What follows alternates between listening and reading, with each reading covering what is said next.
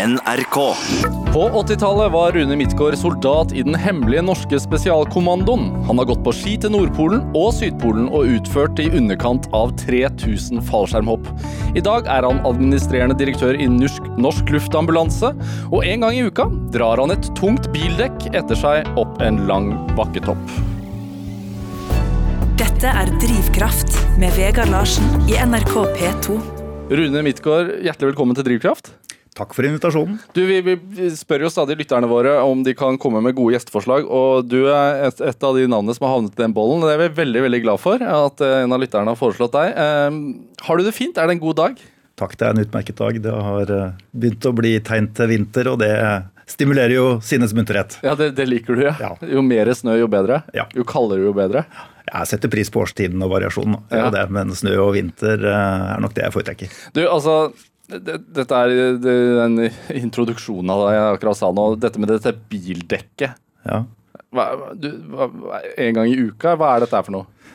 Ja, vi begynte å trene med bildekk. Det er mer enn ett, da. Eh, Det er mer enn ett. Ja da, en Hvor mange er det snakk om? Ja, nå bruker vi vanligvis to dekk og så en, en ryggsekk.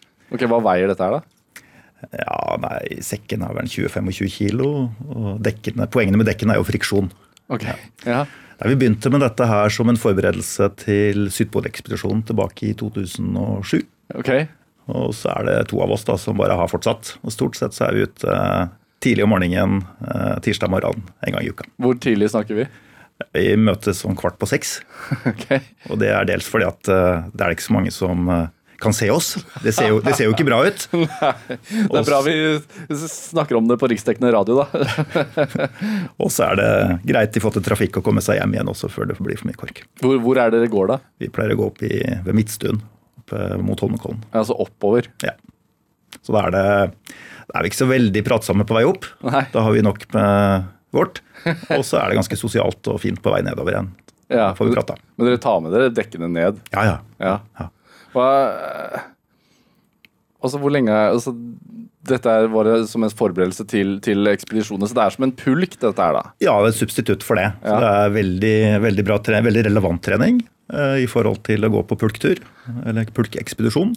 Og så er det generelt bra trening. Altså du trener hele kjernemuskulaturen, og du blir ordentlig grunnsliten etter det. Ja. På en god måte. Er det sånn, hvis- ikke du får gjort det på noen uker, begynner det liksom å klø i deg da? Så Ja, nå, de- må, nå må du ut i skauen og dra dekk? Gjør nok det, ja.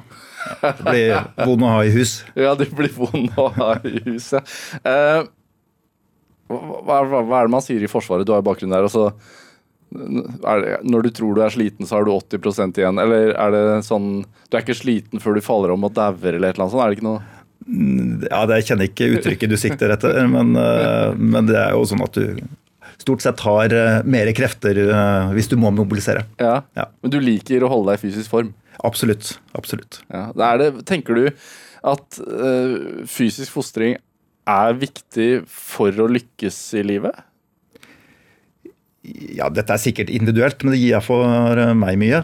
Ja. Eh, Det gir eh, Ja. Det, det, det å bli sliten, og, og, altså kroppslig sliten, i en hverdag hvor man sitter mye bak pulten, det gir meg mye. Og så er det jo Jeg foretrekker å trene ute, så naturopplevelsen er jo en viktig del av det også. Ja. Ja. Det tømmer hodet, kanskje? Ja, det Både hodet og kroppen? Men, men det er vel litt sånn at når jeg er ute og løper en tur i skogen, så eh, får jeg gjerne stabla tankene. Ja. Så problemstillinger, temaer på jobben faller da gjerne på plass. Mens når jeg er på litt lengre pulktur, da er det sånn at hodet tømmes komplett for det daglige etter noen eh, dager. Og så går du inn i en eh, nærmest en sånn transe hvor det er de enkle, grunnleggende tingene med å gå på ski, spise, hvile, innbiller meg at det kanskje er litt på samme måte som å gå i et kloster. Litt meditativt. Ja, det er det. Ja. Så, for, f f så man får nesten mer energi av det i etterkant? ja, du blir jo fysisk sliten, men eh, du, du nullstiller på en måte. Ja. Ja. Hvor, hva er den mest fysisk utfordrende turen du har vært på, da? Det var nok Sydpolen. Ja, det var det. Hvor, hvor, hvor, hvorfor var den så Hvorfor var den verre enn Nordpolen, holdt jeg på å si? Eh, Nordpolen, der var vi jo eh, Vi var først til Sydpolen i 2008. Ja. Og så dro vi til Nordpolen i 2011. Og da fløy vi med russerne opp til en base de har eh, på våren, i april, på rundt 89 grader. Det er en 10-12 mil fra Polen.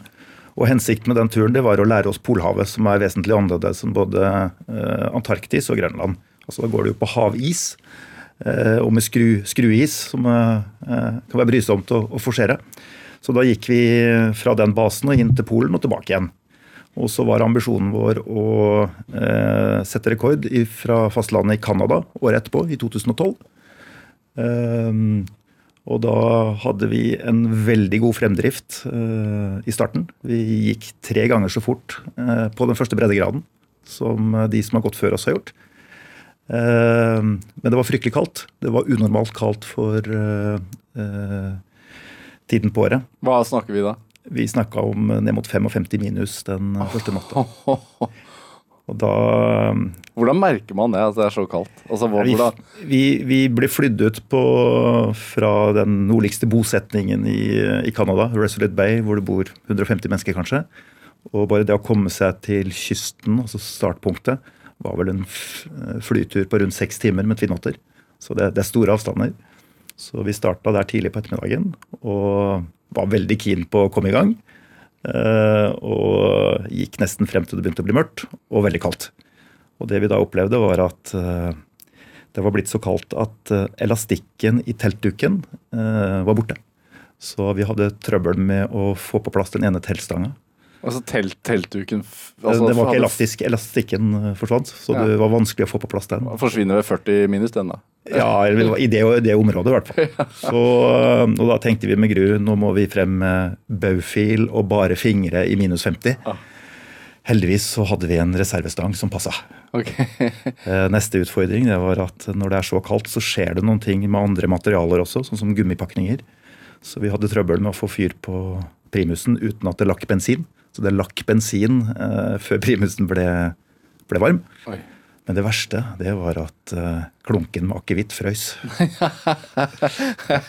Da er det kaldt, si. Ja, du tro, du, trodde ikke sprit frø, frøs, jeg, men det vet ikke hva frysepunktet er. Det 50 minus? Det er vel noen og 40. Men eh, den turen ble ikke så lang, fordi vi, eh, vi eh, Det var kaldt, og for å lykkes med ambisjonen vår, så måtte vi gå ordentlig lang dag. Så vi gikk tolvtimersdager.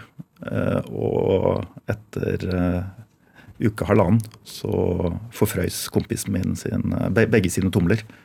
På en sånn måte at vi var nødt til å, å gi opp og, og fly hjem igjen. Ja. Ja. Hvordan er det når man er Altså, du, du snakker om noen avstander hvor man må fly seks timer bare for å starte.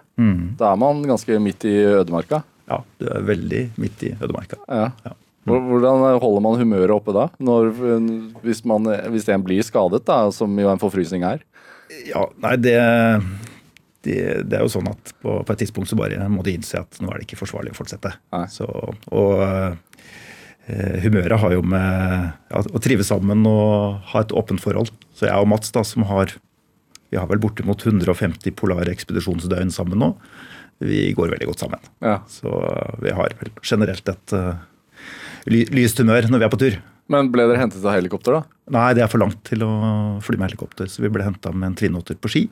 Som da landa ute i havet der på et isflak. Er det da er det en nedtur å gi opp? ja, det er jo det. Ja. Det er jo det. Vi, eh, vi hadde jo en ambisjon både om å greie det og og gå fort, som vi da lå egentlig veldig bra an til. Men eh, vi pusha nok eh, oss litt langt da, i forhold til eksponering, antall timer per dag, i den kulda. Dette er Drivkraft med Vegard Larsen i NRK P2.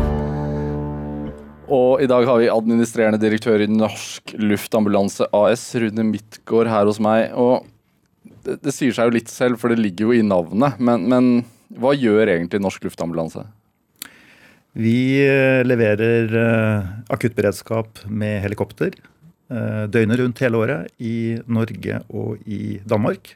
Tolv baser i Norge og fire i Danmark. Spredd over hele landet, eller? Ja. Ja. Så vi flyr ca. 14 000 oppdrag på et år, og det er da rundt 40 i døgnet i snitt. Så vi er stort sett i lufta til enhver tid. Hvor mange 14 000 oppdrag i året? 14 000 oppdrag i året. ja. Oi, oi, oi. Så de helikoptrene er i lufta hele tiden? Mm. Så når jeg ser et uh, helikopter som lander på Ullevål sykehus her i hovedstaden, så er det et av deres? Det er riktig. ja. Så vi flyr eh, på oppdrag for staten i Norge og staten i Danmark. Og så har vi ansvaret for eh, eh, helikopteret, luftfartøyet, vedlikehold og drift av det. Og det er vi som har ansatt pilot og redningsmann hos oss. Og så er anestesilegen ansatt i det lokale helseforetaket. Ja. Så de tre sammen utgjør da det vi kaller crewet. Og som er eh, fantastisk flinke til å samhandle og løse oppdrag. Hvor, hvor, hvor god plass er det inni et sånt helikopter? Eh, Det er tre forskjellige typer i Norge. Tre forskjellige størrelser. Eh, Så det er jo ikke veldig god plass, men det er nok plass til å behandle og ta vare på pasienten. Det er som et sykehus Altså et, et slags operasjonsrom i lufta, eller? eh? Ja, kanskje ikke operasjonsrom, men vi pleier vel å si at vi bringer sykehuset til pasienten. Nettopp fordi at vi da har en veldig kvalifisert anestesilege om bord og utstyr til å drive avansert diagnostikk og, og, og påbegynne behandling. Ja. Så eh, Hvor mange liv redder dere, tror du? det er vanskelig å si. Ja. Det er vanskelig å si. Det har vel egentlig ikke noe, noe god statistikk på. Men vi, jo, vi er jo til for de alvorlige tilfellene. Alvorlig eh, sykdom, alvorlig skade. Hvor, hvor rask, mye raskere kan man være på plass med det, et av deres helikoptre i, for, i, i, i forhold til en vanlig kjørende ambulanse? Det er jo helt avhengig av Hvor. hvor det er. og når det er. Og ofte så er det jo slik at det er andre enn oss som er først på stedet. Eh, Og det er jo eh, samhandlinga i redningskjeden her som er viktig. Altså Ofte så er det brann og redningsetaten eller bilambulansen som er der før våre folk, som da kommer med, med lege. Og Hvis det f.eks. er snakk om en hjertestans, så er det jo avgjørende viktig at de som kommer først til stedet, får satt i gang eh, livreddende behandling. Og så kommer vi da på en måte og overtar og viderefører behandlinga og bringer pasienten trygt til, til sykehus. Er- du er jo administrerende direktør, så du er, er jo ikke med på så mange redningsaksjoner. Men har du vært med på, på oppdrag? Jeg er nok den i min rolle som har vært med på flest oppdrag. Er det sant? Ja, jeg har flydd på alle basene, og det altså vi eh, Mantraet hos oss er at eh, alt vi gjør skal understøtte crewets evne til å løse oppdrag. Og da er det jo viktig at jeg som sjef eh, vet hva som skal til for å løse oppdrag. Så derfor så har jeg lagt ganske stor vekt på å være med ut. Eh, prøve å ikke være i veien, men det er utrolig nyttig og ikke minst inspirerende å være med ut og se hvordan, eh, hvordan man løser oppdrag. Ja. Det er, det, altså, jeg kan jo tenke meg at det er en del i din rolle som, som ville ikke tenkt, tenkt sånn. Altså, som ville tenkt sånn Ja, ja, jeg, jeg skal løse administrative oppgavene her. Mer enn skrivebordsarbeid, da. Eh, hvorfor, hvorfor tenker du at det er faktisk viktig at du veit hvordan det funker, at du er der ute sjøl? Nei, altså Vi er jo til for pasienten. Ja. Det er det som er kunden vår. Og det å løse oppdraget er det vi skal gjøre. Og da, da er det helt naturlig for meg at uh, jeg må forstå hva som skal til for å løse oppdrag. Enten det er det flyoperative, redningstekniske eller uh, den delen av det medisinske som vi bidrar til. Hva er det du har vært med på, da? Da jeg har vært uh, typisk, så er jeg med et døgns tid ute på en base. Og er med på det som da skjer. Og det er Det typiske er jo at eh, det kan være noe som har med hjertet å gjøre. En hjertestans eller et hjerteinfarkt. Det kan være hjerneslag. Men det kan også være en traume, en trafikkulykke eller annen type traume. Hvordan fungerer teamet da? Altså, hvis, hvis jeg hadde ringt inn og sagt at jeg har en hjertestans her eh, og befinner meg et eller annet sted, da. Da ringer du til 113, Ja. eller eh, eh, kanskje enda bedre bruke 113-appen som Stiftelsen Norsk Luftambulanse har eh, utvikla. For eh, når du bruker den, så vil de på 113-sentralen kunne se posisjonen din. For det kan av og til være en utfordring å vite hvor innringeren faktisk er hen. Ja. Eh, Så da gjøres det en vurdering på 113-sentralen i forhold til hva slags ressurs som bør brukes i dette tilfellet. Og da er jo både tilgjengelighet av ressurser, hvor det er hen, eh, og hvor alvorlig det er, eh, typisk kriterier. Og så er det da legen på basen som er på vakt, som gjør vurdering av om eh, dette er et oppdrag som eh, bør løses av luftambulanse. Ut ifra eh, beredskapssituasjonen og alvorlighet osv. Og så er det fartøysjefen, altså piloten, som vurderer og bestemmer om det er flyoperativt forsvarlig å fly. Og da er det typisk vær som av og til er en begrensning. Ja. Ja. Rundt 10 av, av henvendelsene vi får, de kan vi ikke fly eh, pga. at været er for dårlig. Oi. Ja. Men, men eh, er det nerve da hos teamet? Altså er det altså, fortest mulig inn i helikopteret og ut på oppdrag? Ja. Vi har i utgangspunktet et krav om å være i lufta på 15 minutter. ja. Eh, Men det er klart, hvis det trengs mer tid enn 15 minutter for å gjøre forberedelse, så gjør man det. Og vanligvis er vi i lufta i løpet av 7-8 minutter. Og dette er folk som er i beredskap og som er veldig erfarne. Og som eh, nok har fulgt med på været før oppkallet kommer. Så de er godt forberedt når det kommer en alarm. eh, Til å gjøre vurdering på hvor er vi skal, og hva er beste rute, og hvordan er forholdene. Og inklusiv da forberede seg på hva som uh, sannsynligvis vil møte de eh, medisinsk hos pasienten. Hvordan var det for deg å være med på første oppdraget? da? Det var uh, veldig spennende. Det var i oktober 2016, rett før jeg begynte jobben. Uh, jeg hospiterte på basen på Lørenskog. Uh, og det skjedde mye den helga jeg var med. Og jeg var bl.a. med på to motorsykkelulykker. Hvor det var en ung gutt som hadde fått revet av seg benet fra kne og ned. Oi. Og det da å oppleve eh, roen i crewet, og måten man da tok seg frem til et landingspunkt som var trygt, men tett på pasienten. Behandling på skadested, men ikke minst eh, det å komme inn på traumemottaket på Ullevål. Og se det, det maskineriet i arbeid, det var rett og slett eh, imponerende. Gikk det bra med gutten da? Ja, det, det gikk bra.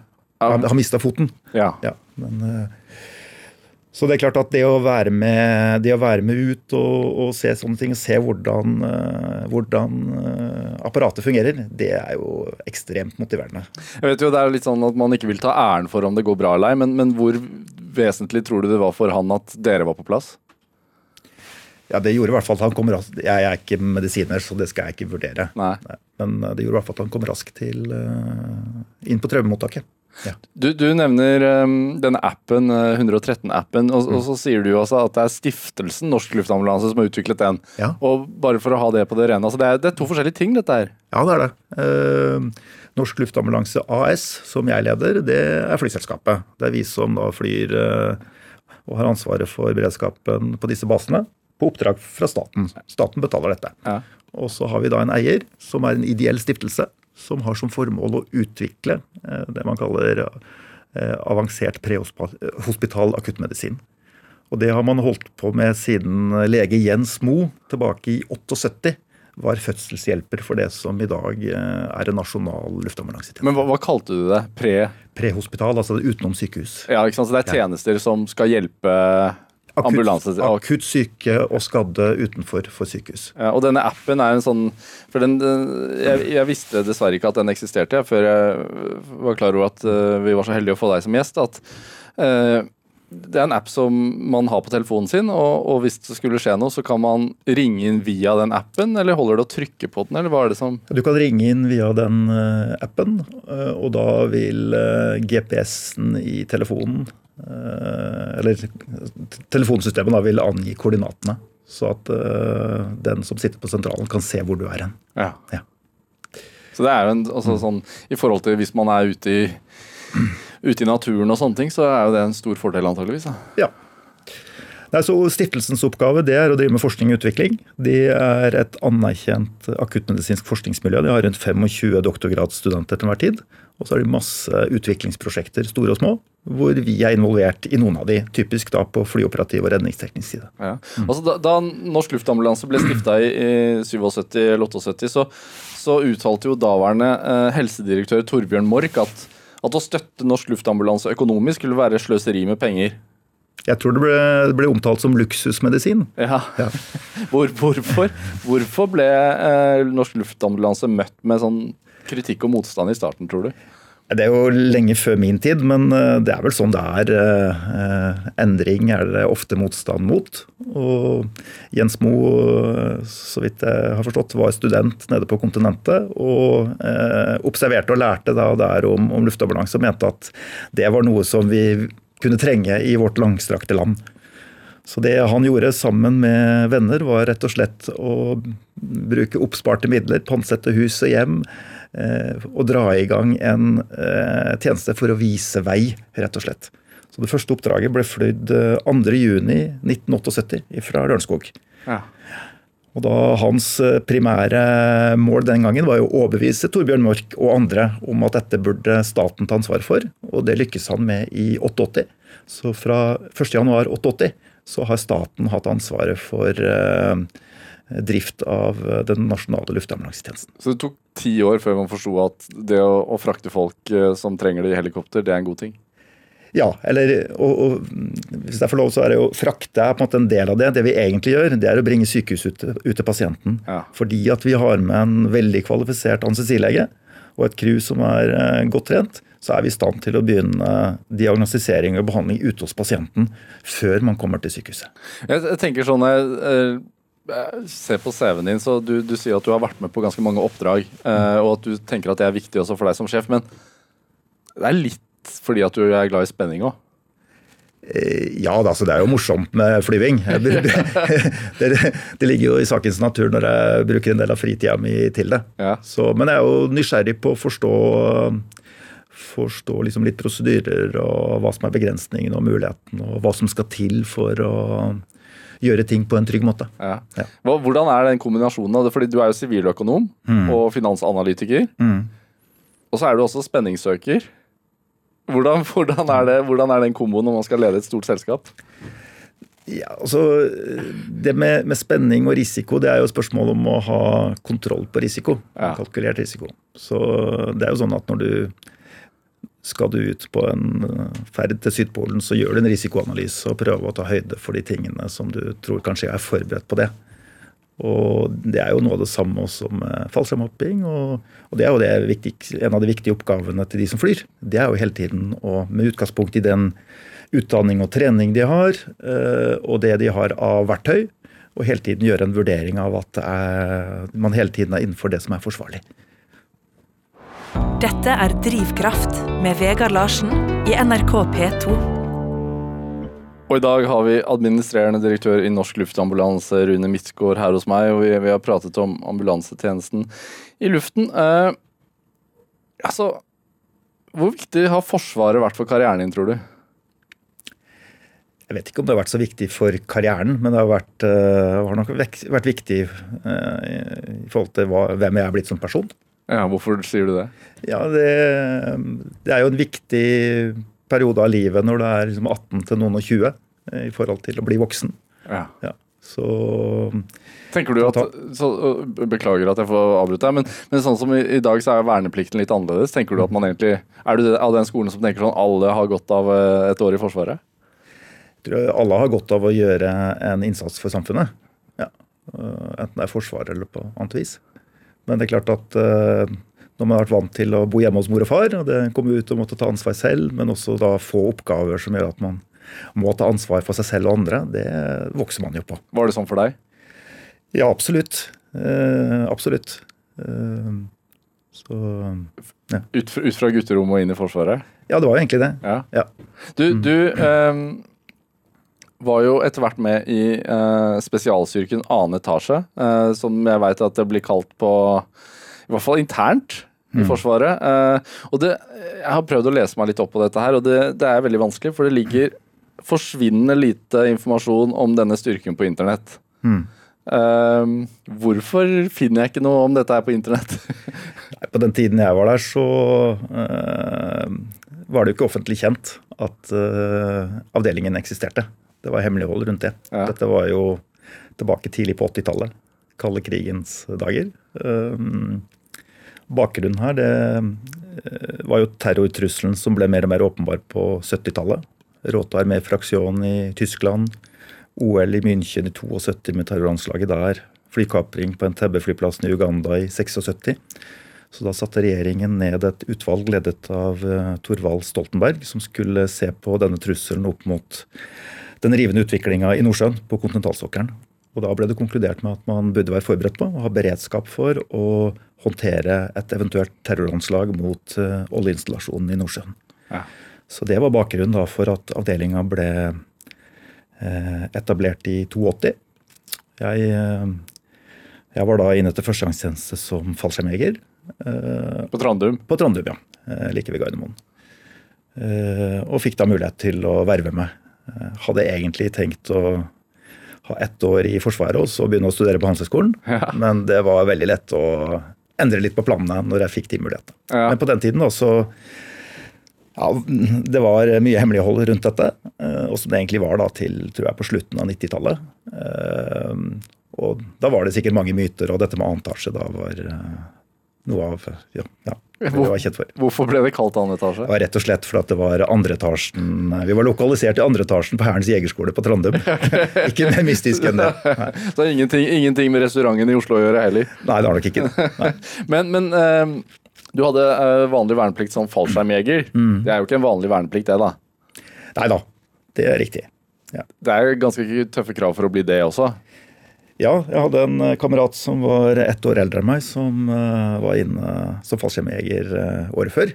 Det hørtes jo spennende ut. Og så var vi jo litt sånn konkurransemind konkurranseminda også, så hvis han greide det, så burde vel jeg prøve å få det til òg. Så det er jo en seleksjonsprosess. Rundt 1000 på grovuttak. 120-30 på opptaksuke. Og så var vi vel knappe 20 da som ble, ble tatt opp i, i troppen den gangen. Som kommer gjennom nåløyet. Ja. Hvilke egenskaper må til, tror du? Nei, mye evne til samarbeid. Altså, det, det fysiske ligger i bunnen. Du må være uh, sterk nok og utholdende nok. Blir ikke sliten før du dauer, si? Nei. Ja, ikke det. Men, men, eh, men evnen til å samarbeide. Altså, du opererer i små enheter, skal løse komplekse oppdrag. Eh, Du må løse det på egen hånd. Det er langt unna de som er overordna, selv om du har radio. Og så er det nok også sånn at eh, det er nok først og fremst snakk om tror jeg, ja, vilje og viljestyrke. Eh, Hvis du hadde stilt opp den troppen på gata sammen med et tilfeldig utvalg av eh, andre folk, så tror jeg ikke du ville plukka det ut. Nei. Med unntak av Horsveisen, kanskje. Men hva var det som gjorde at du som ung mann tenkte at fallskjermjegertroppen og Det er jo mer, det er en mer fysisk utfordrende tjeneste. Ja. Eh, jeg selv eh, hadde ett års verneplikt og, og valgte etter hvert å bli kokk. Jeg syntes det var fint. Var på kjøkkenet. det var ikke så fysisk. Men hva, var det med deg som Nei, det var jo eventyrlyst og spenning, tenker jeg, den gangen. Ja. Hvor du er eh, 18-19 år gammel. Så, ja, og denne kameraten min da, som hadde Han hadde ikke akkurat undersolgt tjenesten når han var hjemme på perm. Nei, ok. Men var det var, Du hadde en sånn eh, Var det mye eh, turgåing og fysisk aktivitet i hjemmet ditt? Altså Du var vant med det som, som ung mann? Ikke mer enn normalt, tror jeg. Men jeg drev med idrett, så jeg var jo rimelig god form. Og, ja. Hva slags idrett? Da drev jeg med judo. Ja. Ja. Mhm. Så en slags kampsport, da. ja. Ja. Judo betyr myk kvei. Eh, men men eh, da denne spesialstyrken blir opprettet, hva, hva, hva er det som gjør at du tenker at jeg vil være mer i Forsvaret? Var jo den eh, helt spesielle muligheten. Altså, dette var en sånn once in a lifetime-mulighet. Uh, være med på noe som er helt nytt. Kunne du si det til familien din at du var med der? Jeg måtte jo si at jeg skulle verve meg, Ja. men det var ikke så mye mer enn det som ble, som ble sagt. Eh, Så var det jo eh, eh, Dette var jo helt blanke ark. Og mulighet til å utvikle ting fra bunnen av. Så vi hadde betydelig frihet og, og ja, mu- mulighet til å være med på å utvikle noe nytt og unikt. Ja, For det var helt i oppstarten Helt i oppstarten. Jeg var i det vi kalte pulje 2. Altså begynte et knapt år etter de første. ja.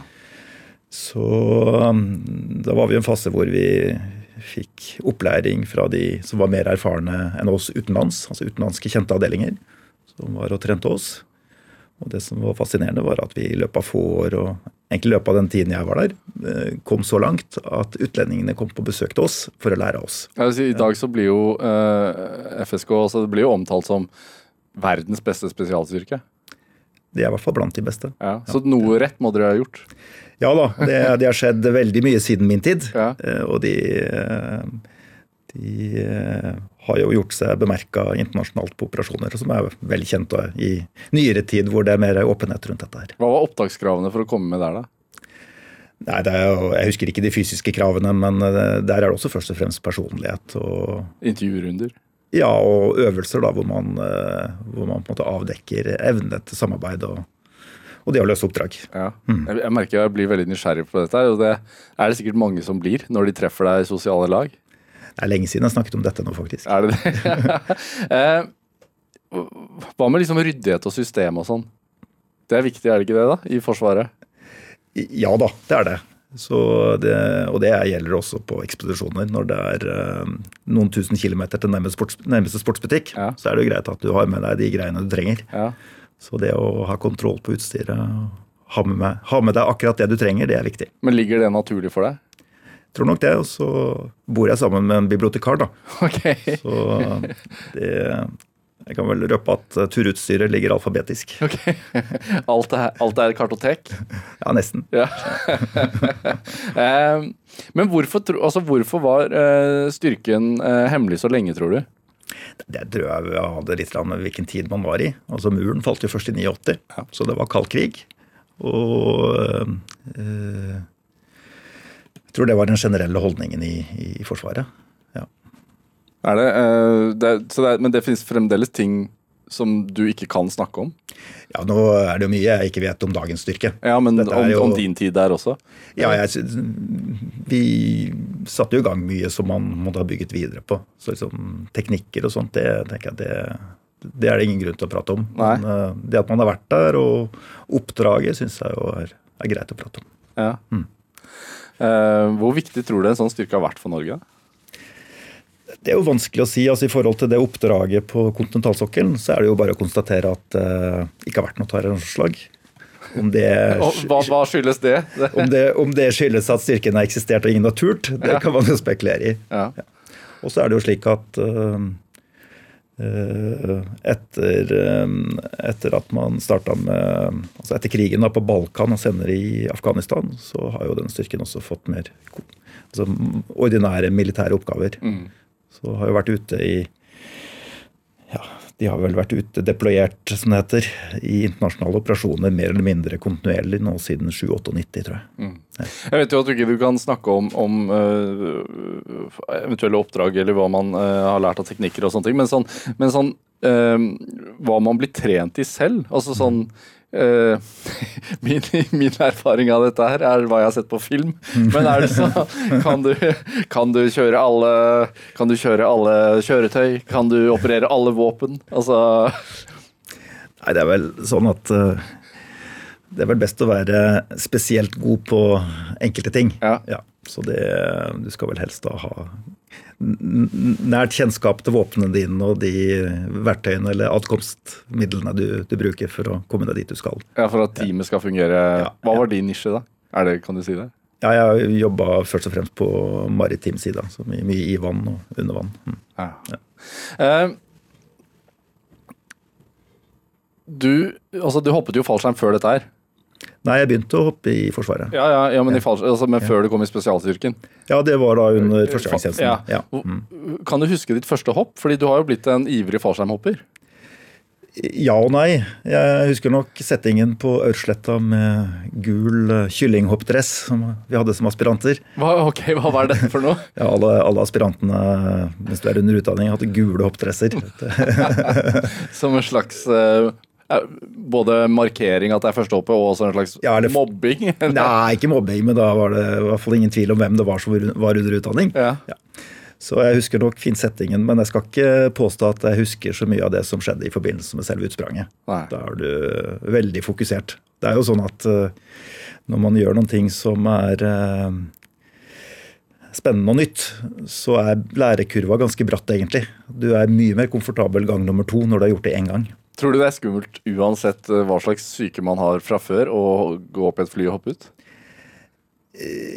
Ja, jeg tror ingen med hånda på hjertet vil si at de ikke har litt heving i puls første gang de hopper ut av et fly. Men hva var det som Altså, du, du hadde jo verneplikt, eh, og du var jo en del av fallskjermjegertroppen og ville bli en del av det, og, så du måtte jo hoppe i fallskjerm. Men, men hva var det som gjorde at du godt kunne tenke deg å gå opp i der og hoppe ut en gang til, da? Det, altså, det var jo en del av, eh, det var jo en del av på en måte, premisset for å være der. Ja. Så det ville vært et nederlag å si at jeg ikke tør å hoppe mer, for da måtte jeg jo slutte. Ja, så det var jo noe i deg som tenkte sånn Jeg har lyst til å hoppe i fallskjerm. Ja, og så i starten så er det nok da var det nok eh, drivkraften, det å måtte hang in there, være en, være en del av, av troppen. Ja. Og så etter hvert så blir du mer og mer komfortabel da når du blir mer og mer trygg på det du gjør. Ja. Og sånn er det jo med mange ting, egentlig. Enten det er klatring eller flyving eller du, Du blir tryggere og tryggere jo mer du får trent og får, får erfaring. Kalkulert risiko? I, ja, men det er jo mer sånn at du blir bedre i stand til å takle risiko. For at du, du lærer mer og mer. Du får mer og mer kunnskap, du får mer og mer erfaring. Men du har, når du har utført uh, rett i underkant, da, uh, poengterte du før vi gikk på lufta her, jeg har sagt 3000 hele tiden, ja, men rett i underkant av 3000 hopp, uh, er det like gøy hver gang? Det endrer seg litt over tid. Altså i, i starten så er det mye usikkerhet og spenning knytta til om du om du får det til. Ja. Og spesielt hvis det da skulle oppstå en situasjon hvor du må utføre en nødprosedyre. Og det som da typisk skjer, er at uh, hovedskjermen uh, ikke folder seg ut helt som den skal. Har det skjedd deg? En gang. I luften? Ja. Hva, hva skjedde da? Nei, Det var en line som uh, la seg over skjermen, slik at den ikke fløy som den skulle. Og det er i utgangspunktet ikke noe stor dramatikk i det. Da kvitter du deg med hovedskjermen gjennom et enkelt håndgrep, og så trekker du reserveskjermen. Så I starten så er det mye, mye spenning knytta til det å, å, takle en sånn situasjon. Etter hvert så blir jo dette mer og mer idrett. Så når jeg hopper nå, så er det mer sånn eh, spenning knytta til det om eh, hvordan man selv og som gruppe presterer i forhold til det man planlegger å gjøre i det frie fallet. Jeg hadde eh, Tidligere i sending her så hadde jeg Karina Hollekim, som, som jo er, eh, var en av verdens beste basehoppere. Mm. Eh, før hun hadde en fallskjermulykke og, og deisa i bakken og knuste deler av underkroppen. Og, og, Hun fortalte jo at en del av drivkraften hennes for å hoppe også var jo det å føle kontrollen. Også at det var en slags terapi for henne. Mm. har det vært inne i bildet for deg? Sånn ikke kalle det terapi, men eh, det er klart at når jeg drar ned til Jarlsberg en fin lørdag og skal hoppe sammen med 10-15 andre, og vi skal konsentrere oss om å gjøre et spesielt hopp, da tenker jeg ikke så mye på jobb når jeg er i flyet. Nei. Nei så da det er total konsentrasjon og avkobling eh, fra det daglige. Så når vi andre sier til kona hjemme at nå går vi og ser eh tippekampen, holdt jeg på å si, heter jo ikke det lenger, da, men fotballkampen på en lørdag, så drar du ned på Jarlsberg og hopper i fly? Ikke hver helg, men uh, litt for sjelden, faktisk. Ja. ja. Men er det greit på hjemmebane? Ja, ja. ja. Stine, vi traff hverandre i fallskjermmiljøet. Ja, ok. Ja. Så det er en interesse dere deler. Eh, jeg vet jo at etter at du ga deg i Forsvaret, så, så har du jo også leda veteranforeningen eh, Forsvarets spesialkommando. Mm. Eh, hvorfor har det vært viktig for deg og, og at dere tidligere spesial, spesialsoldater har hatt et, et fora hvor dere kan møtes og, og, og prate sammen? Ja, det, eh, Initiativet kommer jo fra avdelingen selv, og det var vel i tiden eh, da på 2007-2008. Um, man hadde hatt ti års uh, tid hvor man var uh, engasjert i operasjoner internasjonalt. Så det var vel større sannsynlighet at det kunne være behov for å ta vare på folk som uh, var veteraner. Opplevde du at det ikke ble tatt godt nok vare på? Ja, det var jo ikke noe system. Så det er egentlig det at man etablerer Dette er jo egentlig et sosialt nettverk hvor man har et samlingspunkt. Og eh, folk med denne bakgrunnen er jo grundig selektert, og de jobber ganske lenge sammen. Det lange kontrakter. Så de, det, er ganske, det er veldig tette bånd. Så uh, sannsynligheten for at noen får noen utfordringer i etterkant, er ikke så stor, men stor nok til at det er nyttig å ha et, eh, et sånt nettverk. Og så er det jo veldig hyggelig da, å treffe, treffe gamle kompiser og yngre folk som har samme bakgrunn. Ja. Uh, så da jeg ble spurt om å være med å etablere den uh, veteranforeninga i 2008, så syns jeg det var uh, meningsfylt og givende. Er det også viktig også fordi at det var så mye hemmelighetshold rundt en periode? Nei, Hemmeligholdsperioden var vel egentlig da tilbakelagt. Det som var en større sak, husker jeg tilbake da, det var vel at uh, altså, soldatene ble sendt ut i uh, operasjoner som helt sikkert var vel så skarpe som det man opplevde under annen verdenskrig. Men det var vanskelig å kalle det krigsdeltakelse. Ja. Og det hadde nok litt med den politiske situasjonen å gjøre. at det var Eh, enkelte partier i posisjon som ikke ønsket å være, snakke om krig. Eh, så det å anerkjenne innsatsen, at man faktisk ble sendt ut på vegne av landet eh, og yte en krigsinnsats, det at man ikke kunne snakke om det, det syns vi var problematisk. Det undergraver på en måte potensielt legitimiteten i det man har vært med på. Så vi engasjerte oss litt i samfunnsdebatten da, med budskapet at her må politikerne tørre å kalle en spade en spade. Sender man soldater ut i krig, så må man også anerkjenne at de har vært i krig. Ja. Um, Av respekt for de som har vært der. Ikke sant? Ja. Uh, altså hvis du, hvis du opplever at du har vært i, uh, i skarpe situasjoner og kommer hjem, og det blir snakka ned som noe helt annet, da er det kanskje grunn til å begynne å gruble. Og det er jo det man må unngå. Har det forandret seg, da? Det endret seg vesentlig. Uh, og et viktig, en viktig milepæl der var vel Jeg tror det var tilbake i 2011. Da man for første gang etter annen verdenskrig valgte å utdele krigskorset igjen. Krigskorset med sverd. Som den høyeste militære utmerkelsen. Litt symbolikk i det, at man deler ut et krigskors. Da var det jo Trond Bolle som fikk det post mortem, og Eirik Kristoffersen og Jørg Lian. Ja. Mm, ja. da på, tide, egentlig, kanskje? Jeg syns jo det, da. Ja. Så, så det, da man eh, Hadde man vært engasjert i internasjonale operasjoner i ganske mange år. Det var åpenhet rundt det, og i tillegg så ble det anerkjent som en viktig innsats for landet. Og jeg må huske Dette var jo Nato-operasjoner, hvor vi har en allianse hvor eh, det er én for alle, alle for én. Så når alliansen eh, ber oss om å stille med styrker, så er det den beste garantien for vår egen sikkerhet. Så vi er ikke så mange i dette landet, og det er ikke så, så store avdelinger som ble sendt av gårde, men de ga viktige bidrag, og det tror jeg har vært viktig i forhold til vår eh, landets anseelse da i Nato-alliansen. Dette er Drivkraft med Vegard Larsen i NRK P2. Og i dag har vi administrerende direktør i Norsk Luftambulanse, tidligere spesialsoldat, også polfarer Rune Midtgaard her hos meg. Det er du har en lang CV. Eh, kunne sagt at du har jobbet i Vinmonopolet også, eller holdt på, holdt på der. Arkus. Arkus, ja. ja del, dele opp og holde på. ja. Men vi skal ikke snakke, snakke så mye om vin. Um, dessverre, holdt jeg på å si. Men, men uh, hvor, hvor- vesentlig tror du den treningen du hadde i Forsvaret uh, var for den turen din til Sydpolen i 2008? Fordi da, hvis jeg forstår det rett, da, så, så skulle dere ikke bare gå til Sydpolen, men dere skulle gå til Sydpolen raskest noensinne. Ja. Um... Det, hva, hva er det som, hvordan, hvordan bestemmer man seg for noe sånt? Det sånn Nei, Det var så enkelt som at min gode venn Sjur Mørdre, som kanskje er eh, den, en av de mest erfarne når det gjelder polare ekspedisjoner i verden, han samla en gjeng eh, vinteren 2007. og med budskapet 'det er fullt mulig å gå til Sydpolen på 25 dager'. Hvem er med? hvem, hva, var, hva var den forrige rekorden? 34. Ehm, Og da tenkte du sånn Ja, det skal jeg være med på. Det var omtrent sånn, Ja. og så tror jeg jeg brukte en ukes tid for å få det forankra. Ja. Um, Hva mener du da? ja, jeg må, måtte jo spørre om lov både hjemme og på jobben. så Nei, så da, ehm, da var ambisjonen om å gå fort. Og vi skulle også gjøre det da på hva skal vi si, på den eh, nobleste måten, eh, såkalt unsupported og unassisted. Unsupported betyr at du ikke får noe hjelp underveis, og at du ikke kan ha noen depoter. Uh, unassisted betyr at det er kun eh, muskelkraft. Altså ikke bruk av hunder eller skiseil eller sånne ting. Hvorfor, er, hvorfor var det viktig?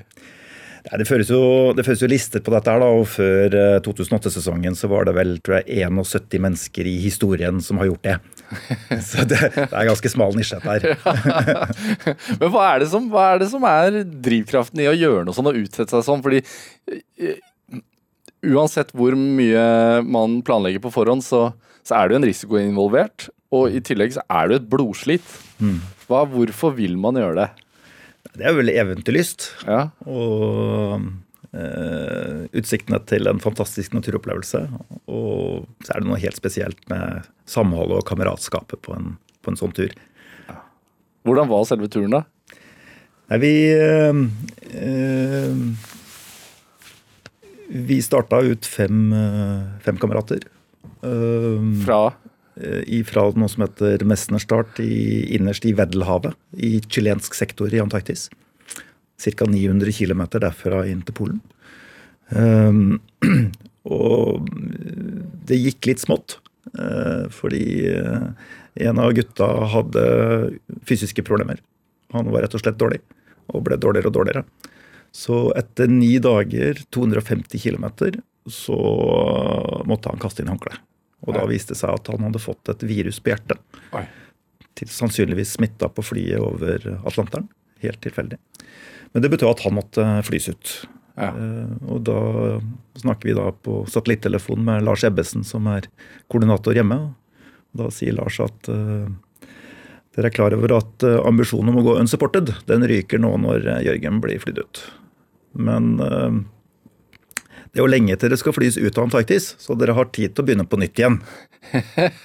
ja, ok, fordi det at han ble syk og ble fløyet ut, det ville ødelegge ambisjonen om å gå turen uten hjelp. Ja. Ja. Så da gjorde vi det. Da fløy vi 250 km tilbake igjen til eh, start. Og begynte på nytt. begynte på nytt. Da var vi fire. Hvordan, hvordan gikk det med han vennen, da? Det gikk bra. Ja, okay. Ja, ja, det gikk bra. Så han ble evakuert til Chile og fikk medisinsk behandling, og er nå ivrig skiløper igjen. Ja, ok, men Det er veldig godt å høre. Men jeg tenker sånn, når man eh, er da fem i utgangspunktet, og man har med seg da begrenset med vekt, da, siden man Mm. skal gå såpass kjapt, så, så vil jo en del av eh, utstyret Altså, Da vil man jo miste en del av utstyret, tenker jeg. Ja, vi, vi plyndra jo pulken til Jørgen, da. Ja, okay. Og så hadde vi en eh, såkalt drop-bag også på basen i Patriot Hills, som ble flydd ut med helikopteret. Så da var det å pakke om, ha nok mat igjen og nok bensin til primusen. Og så begynte vi på nytt igjen. Var det med like stor entusiasme, eller? Det var nok det da. Førte oss litt gærne. Ja. Ja. Og hvordan gikk turen da, da? Nei, det gikk helt maskinmessig. Så vi, eh, vi Historien ville det også slik da at uh, Sjur, som var initiativtaker, kunne dessverre ikke være med. Han ble syk. Uh, så da vi kom frem til uh, Sydpolen 26.12.2008, så ringte vi hjem til Sjur og sa at Sjur, det tar ikke 25 dager å gå til Sydpolen. Det tar 24 dager, 8 timer og 57 minutter. Så dere, det, er Ny rekord? Ja. Er, står den ennå? Jeg står uh, i Guinessia for team, altså for lag. Ja. Siden det var 26. desember, hvordan feiret dere julaften? Julaften, eh, da var vi i teltet. Jeg tror vi skeia ut med en, med en seigmann eller noe sånt nå. Ja, det er sant. Ja. Ja. Ja. Man har ikke mer å Nei, altså greia her var at eh, konseptet vårt det var å gå lett og fort. Så vi hadde mye lavere startvekt enn jeg tror noen andre. Vi hadde 62 kilo i snitt, mens man typisk tror jeg har hatt 80-90 kilo. Men når du planlegger en sånn tur, da, da tenker jeg da, da har dere lagt opp en rute at dere skal gå så og så langt per dag. Nei, Vi har lagt opp til hvor mange timer vi skal gå hver dag. Okay. Og så er det forholdene som avgjør det. Og det, vi går ikke noe raskere per time. Vi har ikke høyere fart, men vi går flere timer. Og det er jo kjempeforskjell på å gå tolv timer kontra å gå ti eller åtte. Ehm, Så det å orke å gå de siste to-tre øktene, det kan fort gjøre litt vondt. Ehm, Det er det, det, det viljegamet da eh, går i. Hva tenker man på da? Eh, komme seg i teltet. det er, eh, på slutten av dagen så er man jo sliten, og det, altså, du har trykksmerter i beina og sånt. Så, så det er å komme seg i teltet. Og så gjelder det da å være effektiv i teltet, både på kveldsstellet og morgenstellet. Fordi du bør ha maksimalt med tid i posen for å restituere. Ja. Ja. Det er sånn, Hva blir det da? 36 km per dag eller annet sånt? Ja, i overkant av det. Mm. Det er langt. Ja, I marka så er det ikke det, men eh, når du går med pulk i isødet og du gjør det 4-25 dager på rad, så er det jo det. Hvordan er det å komme i mål da? Er det en personlig seier? Er det Ja, det var eh, Jeg husker vi når vi da gikk inn mot denne symbolske kula på geografisk Sydpol, så gikk vi opp ved siden av hverandre på linje og la eh, hendene våre på kula samtidig. Og det, det var sterkt. Da var det klump i halsen. Hva, hva, hva tenker du om altså sånn Vi har jo en eh, historie med eventyrere her i landet. En, eh, hva, hva tenker du om sånn som Amundsen og Nansen og sånn som har gjort disse tingene før? Altså Det er jo en helt annen prestasjon. altså Ja. av uh, det å gjøre det først, og usikkerheten i forhold til hva man møtes med, eh, eller møtes av. Eh, og i dag så har vi jo en helt annen eh, kommunikasjonsmulighet altså, og backup, da. Så men det, det er klart det, det vi har vært flinke til i Norge, og helt tilbake igjen egentlig til Amundsen og Nansen, det var å ha respekt for at andre kanskje kan noe som er nyttig. Så både Nansen og Amundsen bygde jo erfaring blant urbefolkninga. lærte seg det å leve med og ikke mot naturen. Og det som nok gjør at uh, nordmenn er overrepresentert på statistikken over folk som har gått til polene, uh, og har lykkes godt, ja. uh, til tross for at vi er et lite land, er nok at vi har hatt en helt spesiell vilje til å dele på kunnskap.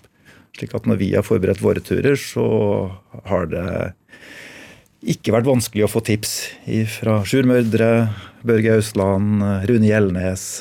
Veldig villig til å dele. Så vi har liksom ikke hatt uh, trangen til å gjøre ting på en ny og uprøvd måte, sånn som da f.eks. Scott gjorde med ponnier og traktorer og hva det var. Er det en holdning du har med deg inn i eh, jobben din som leder også? Det å, det å, dele og høre på andre? Og... Ja, absolutt.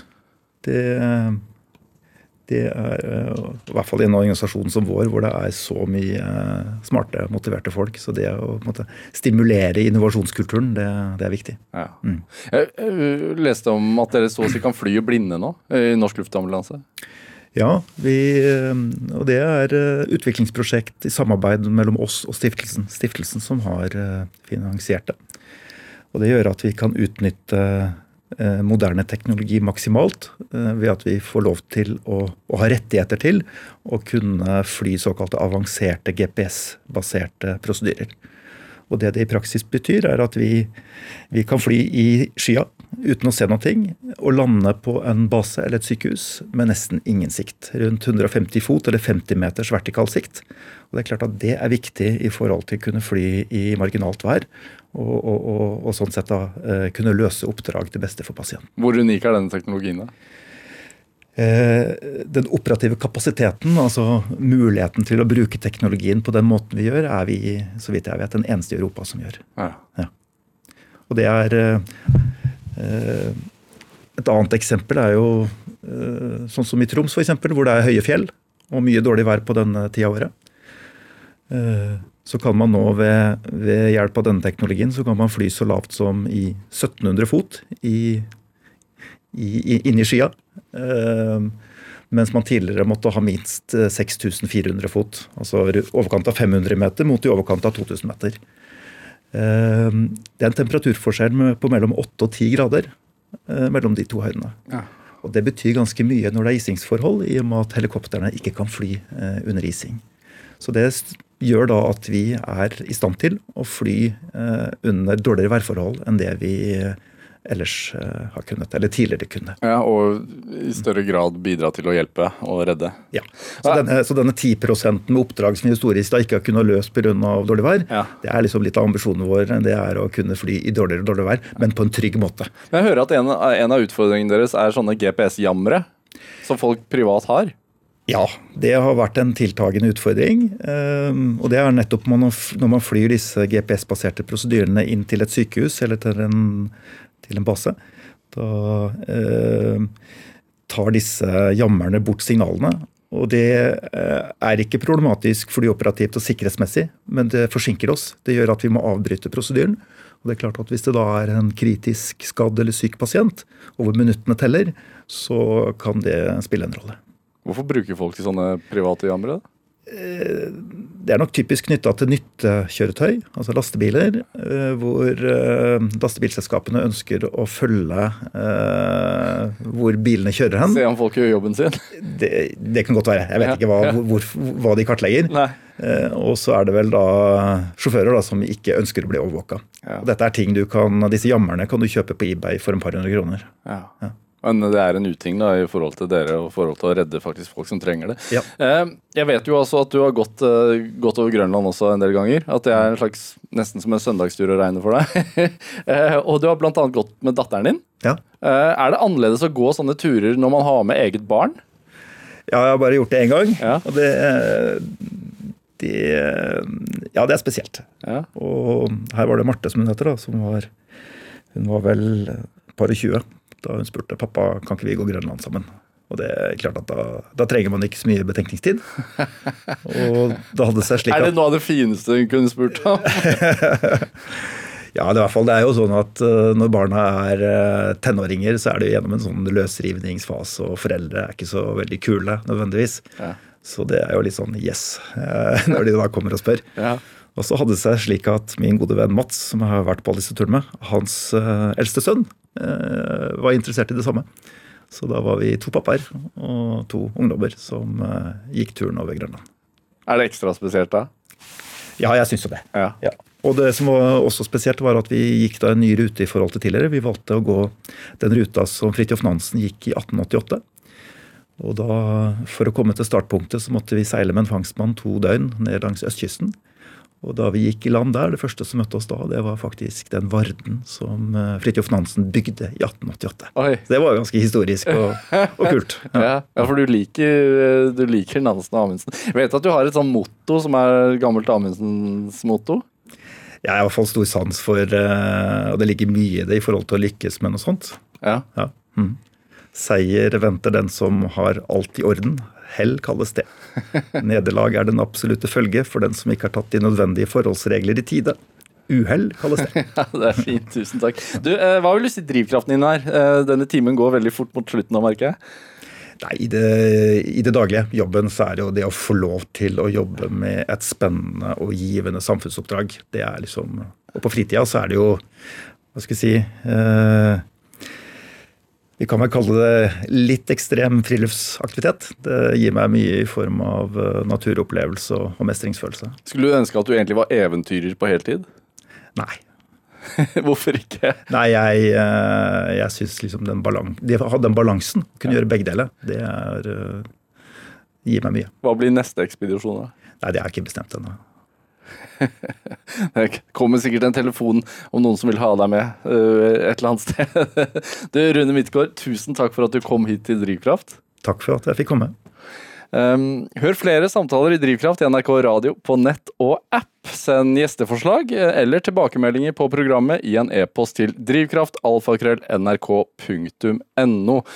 I morgen hører du komiker Else Kåss Furuseth her hos meg. Jeg er Vegard Larsen, dette var Drivkraft.